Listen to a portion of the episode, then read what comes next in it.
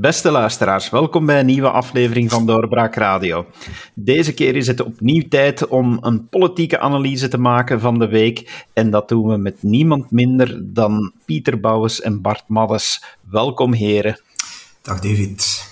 Dag David. Meneer Bouwens, ik ga bij u beginnen. We hebben de septemberverklaring gehad van minister-president Jan Jan Bon. Daar zaten een aantal eh, punten in die opvallen. Wat was voor u het meest opvallende? Uh, voor mij het meest opvallende was de, de, de lening, het aanbod dat uh, Jan Bon doet aan Wallonië om eigenlijk uh, om, om goedkoper te lenen. Het is natuurlijk zo als Wallonië die ja, een heel slechte, een, een super slechte, een mega slechte begroting heeft en, en, en een groot tekort heeft. dat die het heel moeilijk hebben om te lenen en, en Vlaanderen, die wel een tekort heeft, maar die er eigenlijk goed voor staat aan veel goedkopere voorwaarden kan lenen. En Vlaanderen doet nu het aanbod aan Wallonië om voor hen te lenen. En ik veronderstel dat die daar, uh, zoals een goede Vlaamse uh, ondernemer, daar ook ergens een of ander procent zullen opnemen. Ik weet niet, ik heb gehoord dat de onderhandelingen eigenlijk al, eigenlijk al bezig zijn. Dus ik vind dat een, een mooie geste die eigenlijk, ja, heel mooi is voor NVA, hè, omdat ze op die manier zeg maar, een soort ja, confederaal model in, uh, in de praktijk kunnen zetten. Een, een, sterk Vlaanderen dat kan lenen en, en dat dan geen geld moet pompen in een of ander federaal uh, fonds, waar dan Vlaams geld in verdwijnt richting Wallonië, maar dat ze gewoon zeggen van kijk, wij lenen en jullie kunnen ermee opbouwen. Ik vind dat mooi. Enfin, ik vind dat mooi, een, uh, een mooie politieke zaak waar iedereen bij wint. Zou dat een tactiek kunnen zijn, professor, dat men op die manier zegt: oké, okay, transfers uh, niet meer op politieke manier, maar we gaan het doen uh, in de vorm van leningen?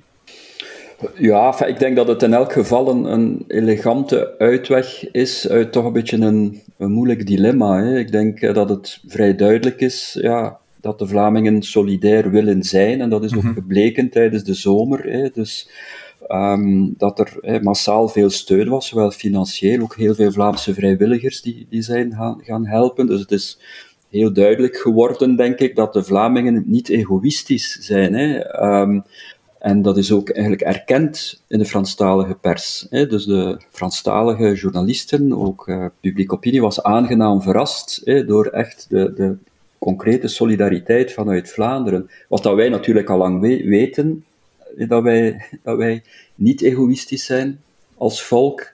Dat was blijkbaar iets nieuws uh, voor de Franstaligen, maar bon. Um, en ik denk dat het ja, goed, goed is dat dat wordt verder gezet. Die, um, die, die, die steun um, in die context ja, toch van die, die vreselijke ramp die, die gebeurd is. Maar tegelijkertijd, ja, die 600 miljoen euro die de Franstaligen vragen, is natuurlijk wel heel veel geld. Um, om dat een beetje in perspectief te plaatsen. Er is altijd heel veel sprake uh, over die, um, die, die, die transfer, dat solidariteitsmechanisme, dat vanaf 2024 zal dalen gedurende tien jaar als gevolg van de zesde staatshervorming. wel, dan gaat het om 60 miljoen euro per jaar. Dus dat is, dat is peanuts ten opzichte van een begroting van 12 gewest van iets in de orde van een 15, 16, 17 miljard euro. Um, maar dus eigenlijk het volledige bedrag, dat, dan, dat dan na 10 jaar de Franstaligen minder zullen krijgen, dus 600 miljoen euro, ja, dat is dan eigenlijk dit bedrag dat ze nu in één keer vragen als uh, steun, uh, als federale steun uh, voor ja, het, het, herstellen van, van, van de infrastructuur. Hè. En het gaat hier natuurlijk evident om een, om een Waalse bevoegdheid. Hè. Dus het is, je kunt natuurlijk zeggen van oké, het is in het nationaal belang hè, dat die infrastructuur wordt hersteld, dat die spoorweg, uh, maar dan gaat het eigenlijk niet over spoorweginfrastructuur, want dat is federaal, mhm. maar dat waterwegen, gewone wegen, dat dat allemaal wordt hersteld. Maar bon, dat, dat geldt natuurlijk ook voor, voor Vlaanderen. Hè. Alle investeringen die Vlaanderen doet, um, ah, ja, aan de kust, uh, de, de, de, dijken aan de kust, um, het, het, het Sigma-plan, um, het baggeren van de Schelde, dat zijn natuurlijk ook allemaal zaken die ook in nationaal belang zijn. dus ja, uiteindelijk wat de Franstaligen op de Walen vragen, is, is, is gewoon een, een extra financiering voor iets waar ze 100% bevoegd voor zijn. En dat wordt ook vaak verwezen naar, um, naar Beliris, waar er ook zo'n constructie is opgezet in, in Brussel. Een soort contract tussen um, het Brussels gewest en de federale overheid. Um, in functie van de, de, de, taken van Brussel als hoofdstad. Um, maar dat Beliris-fonds, ja, dat is, dat is geen succesverhaal. Hè. Dus dat is gewoon een extra financiering voor Brussel, um, waar dat eigenlijk in de, praktijk het Brussels gewest mee doet wat het wil. Hè. Ik bedoel, dat, is, dat wordt op oneigenlijk gebruikt, dat, dat, dat Beliris-fonds. Dat is eigenlijk geen goed, geen goed model, denk ik. Um, dus in die zin geef ik Pieter wel gelijk, ja, dat dat nu een goede zet is van de Vlaamse regering en van Jan Jan Bon, om, om een beetje uit dat dilemma te geraken. Ja, we willen solidair zijn, uh, we zijn niet egoïstisch, uh, maar nee, we willen niet dat er een soort extra transfer komt, een, een, een extra financiering van ja, een, een, Waalse bevoegdheid.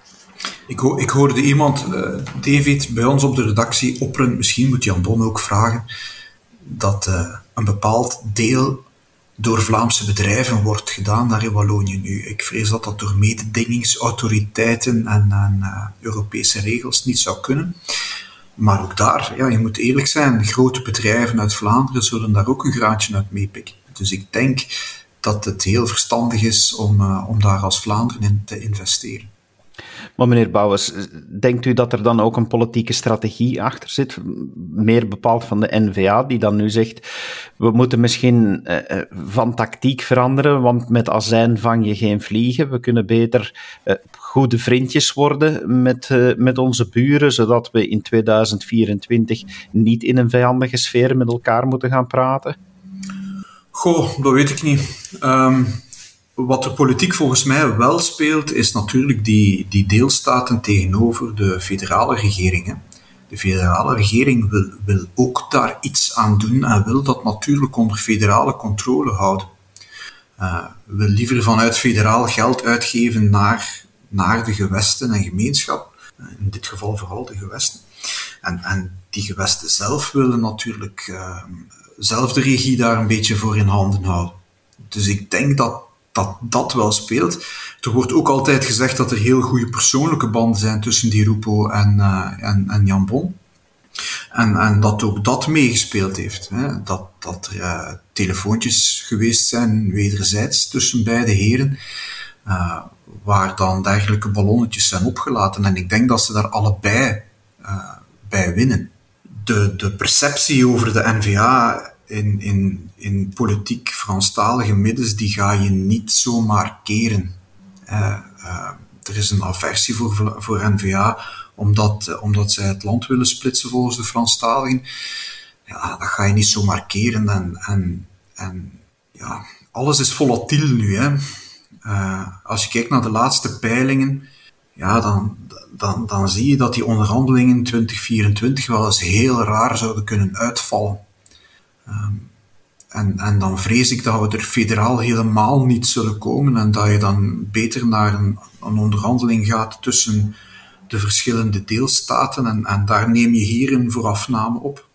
Maar ik, ik heb daarnet gezegd, hè, voor, voor NVA is dat ideaal. Zij gaan zeggen, zie je, dat confederalisme werkt. En, en, en dat is natuurlijk wat ze willen, willen naar hun eigen kiezers in Vlaanderen uitstralen. Hè. Want op zich is het geen slim financieel beheer. Iedere bank die een lening verstrekt, gaat eerst kijken naar de terugbetaalcapaciteiten. Mhm. En ja, daar moet je hier toch wel vraagtekens bij stellen. Ja, maar Vlaanderen wil zich borg stellen.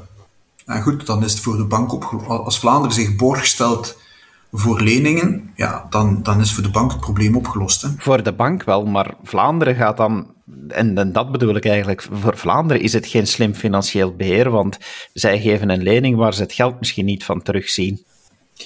Ja, maar goed, daar zal een prijs voor betaald worden. Hè? Ik veronderstel dat zoiets bij de onderhandelingen loopt. Nu, naar het schijnt lopen die onderhandelingen al. Uh, het idee is er, het is in de openbaarheid gebracht. We zullen nu ook nog zien, want dat is typisch zo'n septemberverklaring natuurlijk. Er wordt heel veel aangekondigd. En dan moet je zien hoe dat uitgewerkt wordt. Nou wil ik hier ook nog wel eens zien. de Franstaligen zitten natuurlijk niet op te wachten om daar een hoogprijs op te betalen, maar goed, zolang zij er nog altijd winst aan, aan hebben, hè, dus, dus een lager bedrag betalen, ja, de, de, rest is een zaak voor de Vlaamse regering. En ook voor ons natuurlijk. Hè. Dus daar geef ik je wel gelijk. Maar ik denk als de Vlaamse regering dat slim aanpakt, uh, dat dat een win-win kan zijn.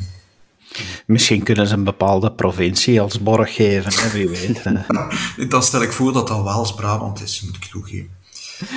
Terug even naar de septemberverklaring, heren. Eh, daar zaten ook wel een aantal punten in. Um, bijvoorbeeld de jobbonus. De laatste weken gingen de geruchten dat die zou sneuvelen. Die blijft er nu toch wel. Um, ja, denken jullie dat, dat er nog van die punten zijn? Of beschouwen jullie dit punt als zijn een typisch politiek compromis?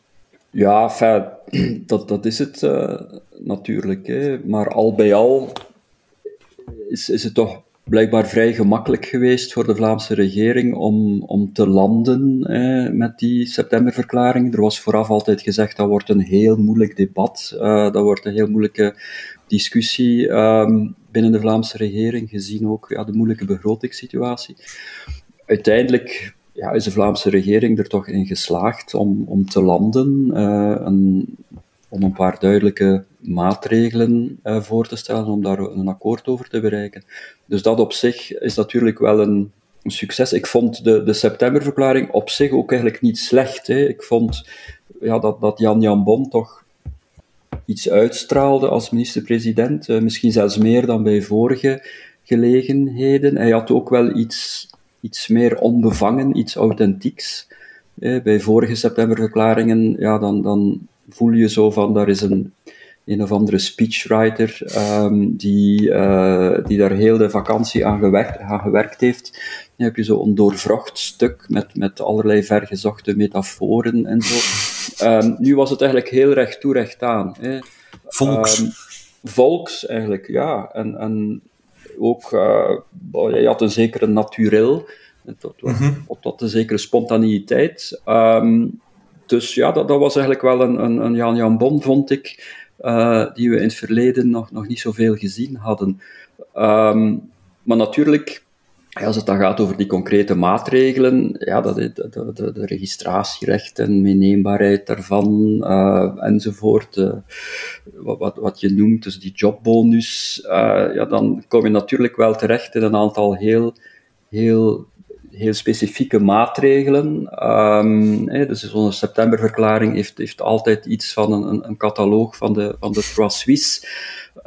Zo'n beetje een, ja, een verhaal van, van, van centjes en procentjes. Voor de jonge luisteraars even, Trois Suisse vervangen door pol.com en u weet waarover de podcast praat. ja, dan vond ik de Trois Suisse toch nog wel interessanter. uh, um, maar, maar dus, allee, wat ik eigenlijk, waartoe ik wil komen, ja, wat, wat dat daar natuurlijk niet in zat, dat was echt een, een visie, hè, een ideologische visie van waar moet het met Vlaanderen naartoe, um, en, en, en zeker geen Vlaams-nationale visie. Um, als je bijvoorbeeld ja, die septemberverklaring vergelijkt met de, de startnota hè, aan het begin van de onderhandelingen van augustus 2019, um, ja, dan het verschil in tonaliteit is, is, is gigantisch. Hè. Toen ging het echt over ja, een, een, een, de Vlaamse natie, mhm. de Vlaamse identiteit. Hè. Dat was echt een, een, een uh, staatsvormend en een natievormend beleid dat daar in het vooruitzicht werd gesteld. Natuurlijk, dat was enkel van de NVA, hè. dat was gewoon de start van de, van de onderhandelingen. Wel voor een stuk naar verluid ook geïnspireerd door de gesprekken die er geweest waren met Vlaams Belang. Dat was echt een Vlaams-nationale uh, nota. Daarvan zijn dan een aantal dingen overgebleven in het regeerakkoord. Maar veel van die zaken op het vlak van ja, identiteitspolitiek zijn, zijn ondertussen eigenlijk min of meer verdwenen. Hè. Bijvoorbeeld het Museum van de Vlaamse Geschiedenis Um, daar, daar is ook al op doorbraak.be over geschreven. Dat is eigenlijk de facto afgevoerd. Hè. Dat wordt zoiets virtueel. Mm um, een, een, een, ja, een, een meer performant uh, beleid in de Vlaamse rand rond Brussel. Hè. Daar, daar horen we eigenlijk ook niets meer van. Uh, het snoeien in de subsidies voor, voor Belgicistische culturo's. Ehm, ja, dat, na het eerste protest daartegen heeft, heeft Jan Jan Bon eigenlijk ook onmiddellijk teruggekrabbeld. Dat is ook uh, verdwenen. De VRT, die de Vlaamse identiteit moet versterken, daar horen we eigenlijk ook niets meer van. Integendeel, want de Vlaamse nationale meerderheid in de raad van bestuur van de VRT, die wordt nu eigenlijk ongedaan gemaakt. Uh, laat staan dat er nog sprake is over de staatshervorming.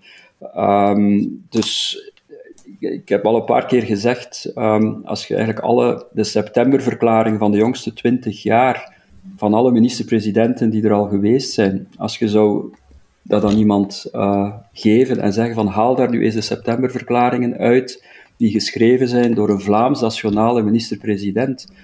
Um, ik denk niet dat hij dat zou kunnen doen. Hè. Uh, dus eigenlijk het, het Vlaams nationale accent, wat je toch zou verwachten van een regering die geleid wordt door een Vlaams nationalist, die gedomineerd wordt door een Vlaams Nationale Partij, die Vlaams nationale accenten zijn er eigenlijk totaal uit uh, afwezig. Ik, ik, ben het eigenlijk grotendeels eens met, uh, met de professor. Um, ik vond ook dat um, de speech op zich echt goed was. Op een gegeven moment kwam er zo een, uh, een aarzelend applaus. En, en, en Jan Bon speelde daar ook op in, zo van, oei, dat, dat, dat begon maar aarzelend. Hè. Dus uh, er is natuurlijk ook nog altijd een half leeg um, parlement. Uh, de helft van de parlementsleden mag maar aanwezig zijn, dus je krijgt een beetje een andere dynamiek in dat halfrond. Maar, maar Jan Bon stond er wel, zijn speech was er, sprak aan. Um, hij stelde zichzelf er ook op, op een gegeven moment voor als, als grootvader. En hij doet het voor zijn kinderen en kleinkinderen. En, en, en het is allemaal wel aansprekend. Maar het is natuurlijk een, een, een soort, ja, men spreekt in, in, in, uh, in de persrap over een, een politieke hoogmis van heel veel aankondigingen. En, en uiteindelijk is dat een, een, vrij steriel gebeuren. Hè. De, minister-president komt daar een uh, hopelijk mooie speech geven. Twee dagen later volgt dan een, een, een, debat waarin de meerderheid het allemaal fantastisch vindt en de, en de oppositie het allemaal afbreekt. En, en dan zal het moeten gebeuren. En dan zie je inderdaad toch wel, ja, ja echt zware keuzes worden gemaakt. Hè. Men teert een beetje op de economische groei die sneller verloopt dan verwacht. Waardoor ook het tekort van Vlaanderen minder groot is dan verwacht. En men eigenlijk niet echt snoeit, maar uitgaven vertraagt. Men gaat minder snel meer uitgeven. Maar dat is natuurlijk op zich geen echte besparing. Um, die jobbonus, terwijl eigenlijk heel veel experten zeggen, eigenlijk zal het gevolg daarvan quasi niet heel zijn, dus dat is een zinloze uitgave. Een, een echt goede regering zou dan zeggen, kijk, op basis van die experts schrappen we die uitgave. Maar ze staat in het regeerakkoord, het is een trofee van één bepaalde partij, en, en omwille van de evenwichten kan je dat daar niet uithalen. En dus voert men dat toch door. En dat is natuurlijk een soort nefaste politiek. Dat is, eigenlijk is dat allemaal niet verstandig. Hè. Men, men, men zou beter die jobbonus uh, dan niet geven en, en, en, en van die kinderbijslagen afblijven. Ik begrijp die armoede-experten wel, als het daarover gaat. Maar ja, Kijk, uh, Vlaanderen heeft onder andere, en dan moeten we, daar moeten we heel eerlijk in zijn, door de constitutie, hè, de structuur van België, heeft Vlaanderen eigenlijk weinig andere mogelijkheden dan subsidies om beleid te voeren. Maar ondertussen zijn er, uh, ik denk, een 13 miljard subsidies die Vlaanderen uitdeelt. Dat zijn niet allemaal subsidies aan de Belgicistische culturo's, zoals de professor hier daarnet ook zei, maar um, ook aan bedrijven en zo daar moet in gesnoeid worden. Nu, uh, het kabinet van, en, en, en uh, het agentschap zijn bezig met een kadaster aan te leggen van subsidies. Ik hoor dat men daar ver in gevorderd is. Een kadaster is één ding natuurlijk. Het opkuisen van dat kadaster en elke uitgave, elke subsidie tegen het licht houden en nu de vraag stellen, um, brengt die eigenlijk iets op? Is dat een subsidie die, die teweeg brengt waarvoor ze in het leven is geroepen? Of is dat eigenlijk iets ja, dat er is, er altijd geweest is en dat we dan ook maar blijven doen? En dat is de oefening die deze Vlaamse regering moet maken. En die, die naar de toekomst toe zeer belangrijk is. En daar moeten Daar moet in gewiet worden. Het kan niet anders dan dat daar subsidies tussen staan die eigenlijk compleet zinloos zijn. En daar moet in gesnoeid worden. En, en als men een beetje wil snoeien in die Belgicistische culturo-subsidies, dan zal uh, de aanhang van, van, van uh, N-VA daar helemaal niet rouwig om zijn. Dus ik vraag me af, wat houdt hen eigenlijk tegen? Maar het is dus wel voor een stuk de nieuwe adem van de Vlaamse regering. Een regering die de vorige jaren het verwijt kreeg om niet, uh, uh, ja, niet uit de verf te komen. Hm. Dat lukt dan misschien nu wel net iets meer. Uh, ja, ook wetende dat NVA de laatste tijd het verwijt kreeg al meer dan een decennium toch aan de knoppen te zitten, maar daarom niet per se altijd voor goed bestuur stond. Dus misschien ja, dat het dan toch wel een verandering betekent uh, voor Jan Bon en zijn regering vanaf nu. Ja, maar de professor heeft er ook gelijk. Hè? Als je nu kijkt, de, Vla de NVA zit 17 jaar in de Vlaamse regering. Wat is de zware NVA-stempel op die 17 jaar geweest? Waar zit de echte verandering in die Vlaamse regering? En dan zul je natuurlijk zien, uh, het zijn natuurlijk altijd coalitieregeringen, en dat weet ik wel. Maar de NVA is veruit de grootste partij van deze Vlaamse regering. En ze slaagt er te weinig op in om daar haar stempel op te drukken. En dat is voor een deel, uh, zegt men ook, uh, de manier waarop Jan Jan Bon werkt. Jan Jan Bon slaat niet op tafel om te zeggen: Ik ben minister-president, ik ben hier de minister-president van de grootste partij, het zal zijn zoals wij het willen. En dat is niet de stijl van Jan Jan Bon. langs de andere kant uh, kan het niet anders dan dat. Ik bedoel, Jan Jan Bon heeft, heeft niet direct de, beste start genomen. Maar als je nu um, zijn regering en hoe die samenwerkt vergelijkt met hoe het er vandaag in Vivaldi aan toe gaat, dan kan het moeilijk anders dan dat je op het eind van de rit zal kunnen zeggen, zie eens, uh, kijk, die Vlaamse regering, die werkt tenminste, die komt tot resultaten, die rolt niet bij elk moment vechtend over straat. Uh, dus dat verschil zou NVA en Jan Jan Bon toch moeten kunnen maken. Uh, ik bedoel, makkelijker dan dat gaat het niet meer worden, denk ik. Hoewel.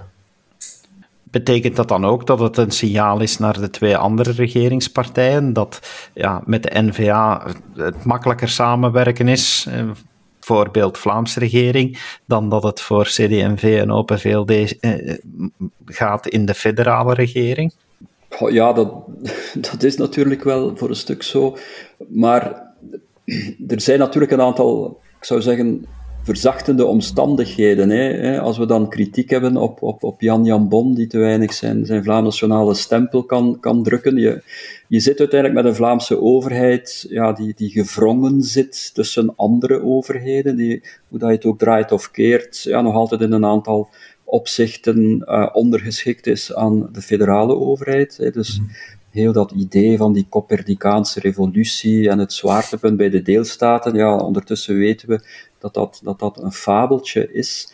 Um, en dat is natuurlijk ook duidelijk gebleken tijdens de coronacrisis. Hè, ja, dat het uiteindelijk het, de federale overheid is die uh, het, het, mooie weer maakt, um, die aan het roer staat als puntje bij paaltje komt. Uh, en dat maakt het natuurlijk ook voor de minister-president heel, heel moeilijk om eigenlijk te, te schitteren, bij wijze van spreken, als politicus.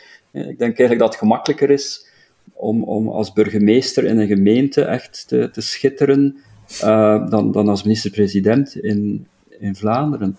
Um, maar het is wel zo, en, en dat is eigenlijk iets, als we het nu toch over de coronacrisis hebben, een, een overwinning vind ik toch wel um, voor de Vlaamse regering en voor Jan Jan Bon, maar hij heeft daar niet over gesproken tijdens zijn septemberverklaring. Dat is dat, um, de Vlaamse, dat Vlaanderen zich nu toch wel heeft losgerukt van dat federale carcan, wat uh, corona betreft. Dus de, de, de, de, zogenaamde COVID-safe-pas, waar we het de vorige keer over gehad hebben, waarvan ik al gezegd heb, dat is eigenlijk een, een, een pestmaatregel, hè, een verwerpelijke inbreuk op, op de privacy. Die wordt ingevoerd in Brussel, die wordt ingevoerd in Wallonië, uh, ook in, ook in also het geval in Frankrijk, nu ook in, in Nederland. Um, dus Vlaanderen ja, vormt daar eigenlijk een soort van eiland. Hè? En wat mij betreft een, een eiland van vrijheid. Hè?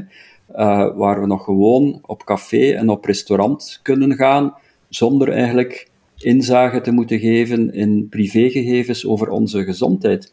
En dat vind ik toch wel een, ja, een, een overwinning. Hè? Dus daar verschijnt dan toch die, die autonomie. Uh, daar blijkt duidelijk uit ja, dat de situatie in Vlaanderen anders is hè, dan, in, um, dan in Wallonië. Dus ik vind dat daar de Vlaamse regering wel, wel, wel goed gemanoeuvreerd uh, heeft en, en, en, en, daarvoor wel een pluim mag dragen. Ik weet nu wel, het hangt in de lucht, allee, dat op een aantal plaatsen dat, hm. dat COVID-safe-ticket ook zal worden ingevoerd in Vlaanderen, in een aantal gemeenten in de rand, eventueel in ziekenhuizen, rust- en verzorgingscentra enzovoort.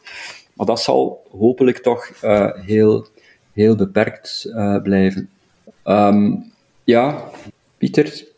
Uh, nee, nee, ik ben, ben het er helemaal mee eens. Ik, ik, wacht af met, met spanning eigenlijk hoe men dat probleem zal oplossen. Want er is, een, er is een hoge druk van een aantal burgemeesters in de rand, veel woorden bijvoorbeeld, om toch die COVID-safe pas in te vullen, omdat je natuurlijk de fallout vanuit Brussel hebt. Maar Vlaanderen moet, moet opletten om, om daarmee niet de deur open te zetten naar enkele burgemeesters, sheriffs, die uh, graag heel doortastend en snel optreden. En bij tien zieken op school, alle scholen in een, een uh, gemeente sluiten en de COVID-safe-ticket willen invoeren. En we allemaal een beetje rustig blijven. Dus ik hoop dat de Vlaamse regering dat in ieder geval uh, goed regelt en dat allemaal binnen de perken houdt. Want uh, ja, die invoering van het COVID-safe-ticket, daarmee ben ik het eens met de professor, dat is een stap achteruit. Punt. Mm even los van de Vlaamse regering gaan kijken naar de andere kant van de taalgrens.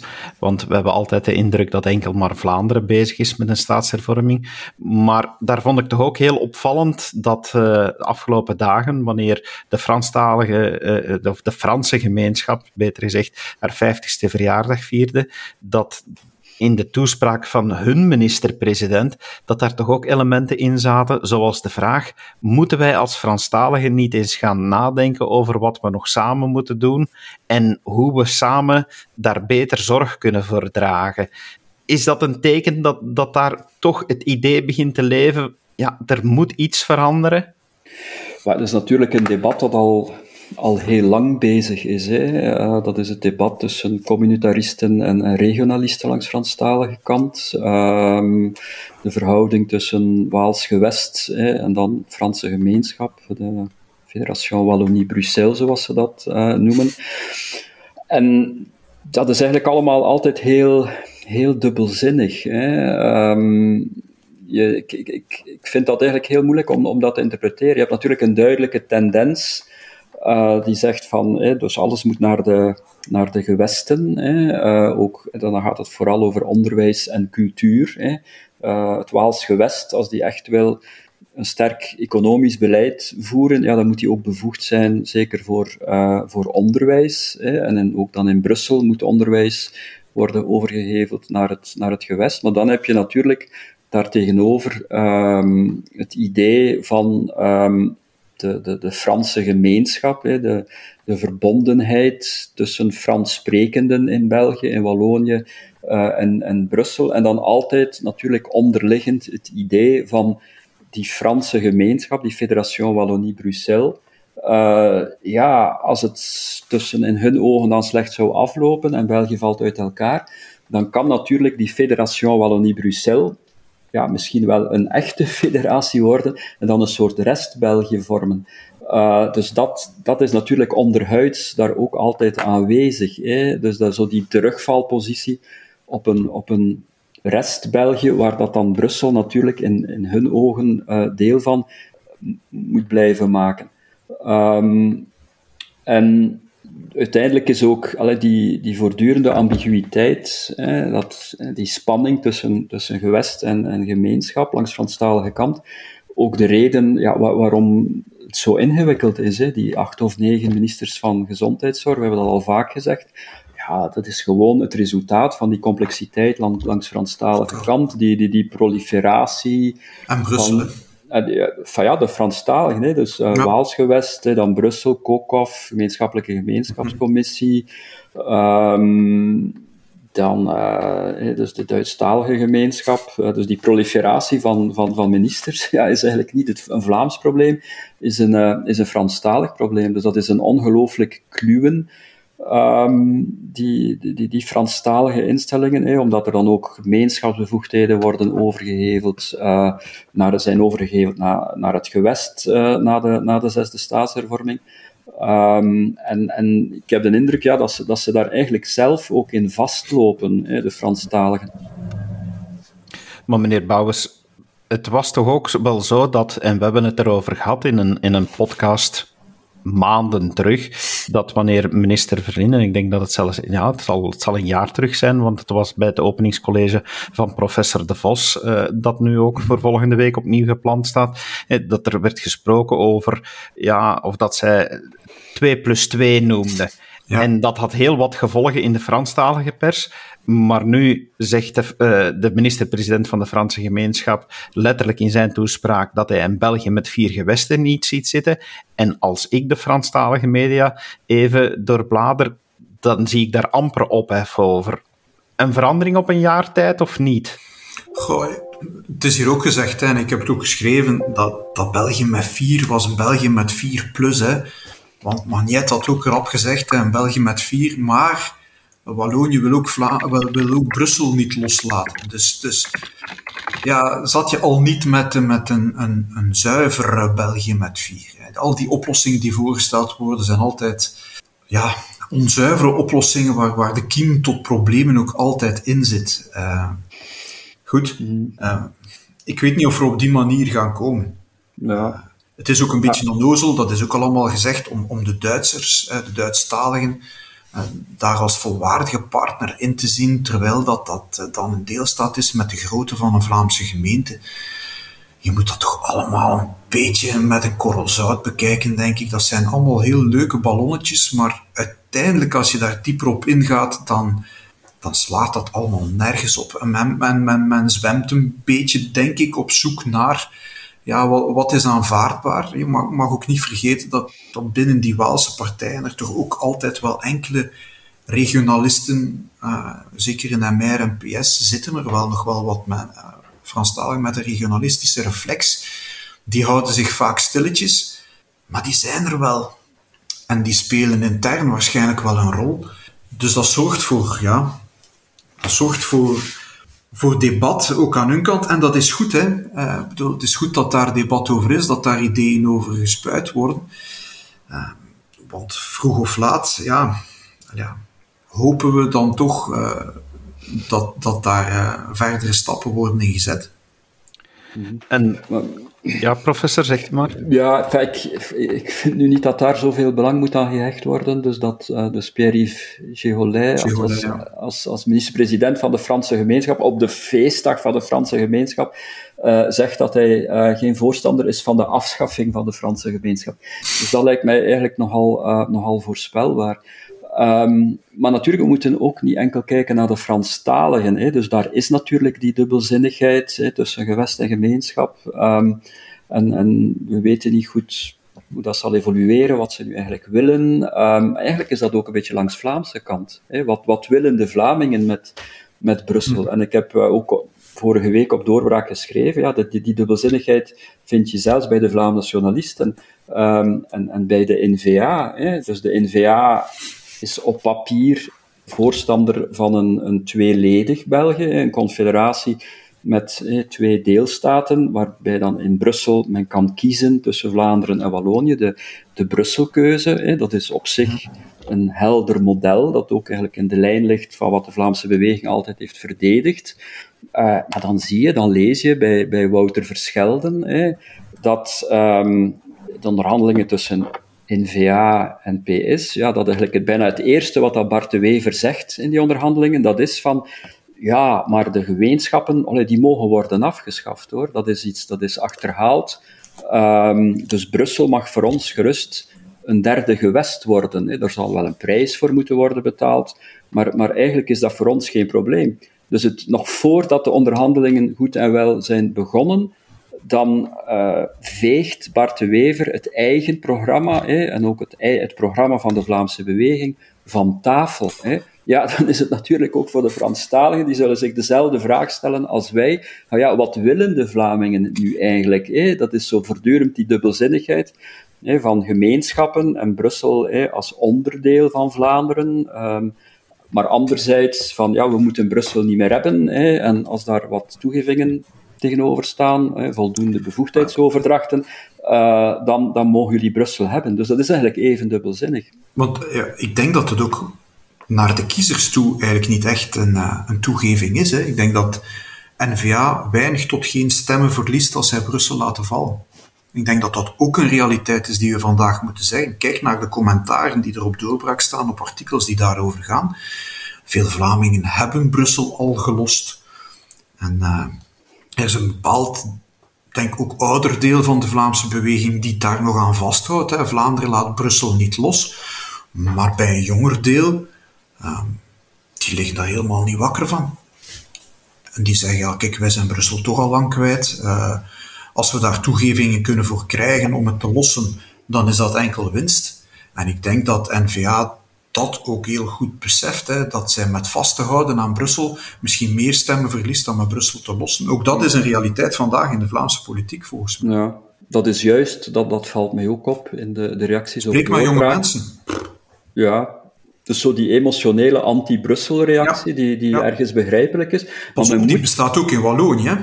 die bestaat, ja, van dat is, dat, vandaar alleen de tendens naar regionalisme, die, die er mhm. zeker is in, in, in Wallonië. Um, maar natuurlijk, men moet wel goed beseffen hè, dat in een constructie met vier of met, met drie gewesten, alle, alle bevoegdheden die Vlaanderen krijgt, hè, en idealitair ja, wordt, wordt Vlaanderen dan eigenlijk een soort semi-soevereine staat in een, in een mhm. confederale constructie. Hè.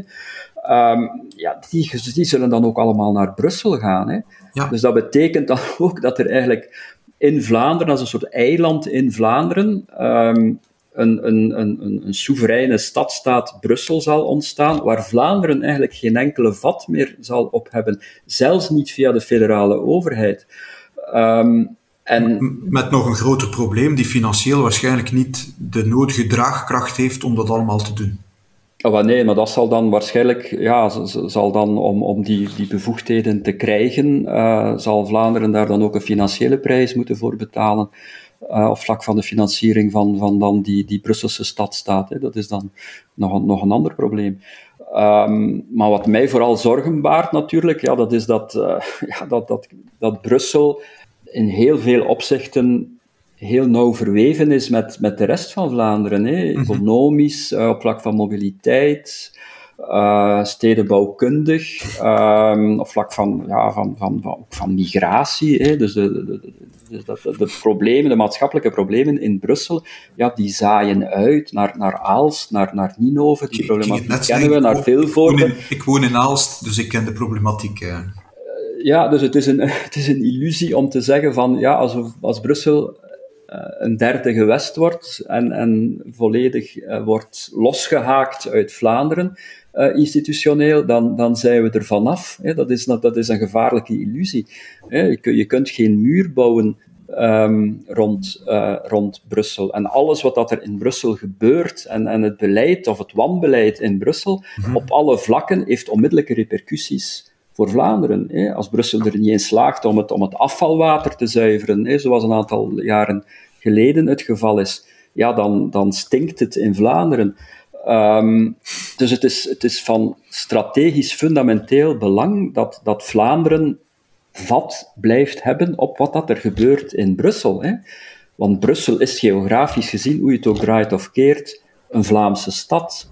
En we moeten ervan, ja, het is denk ik allee, een soort nachtmerriescenario dat Brussel een soort zwart gat zou worden in het midden van Vlaanderen, uh, waar wij eigenlijk geen enkele, geen enkele vat meer op hebben.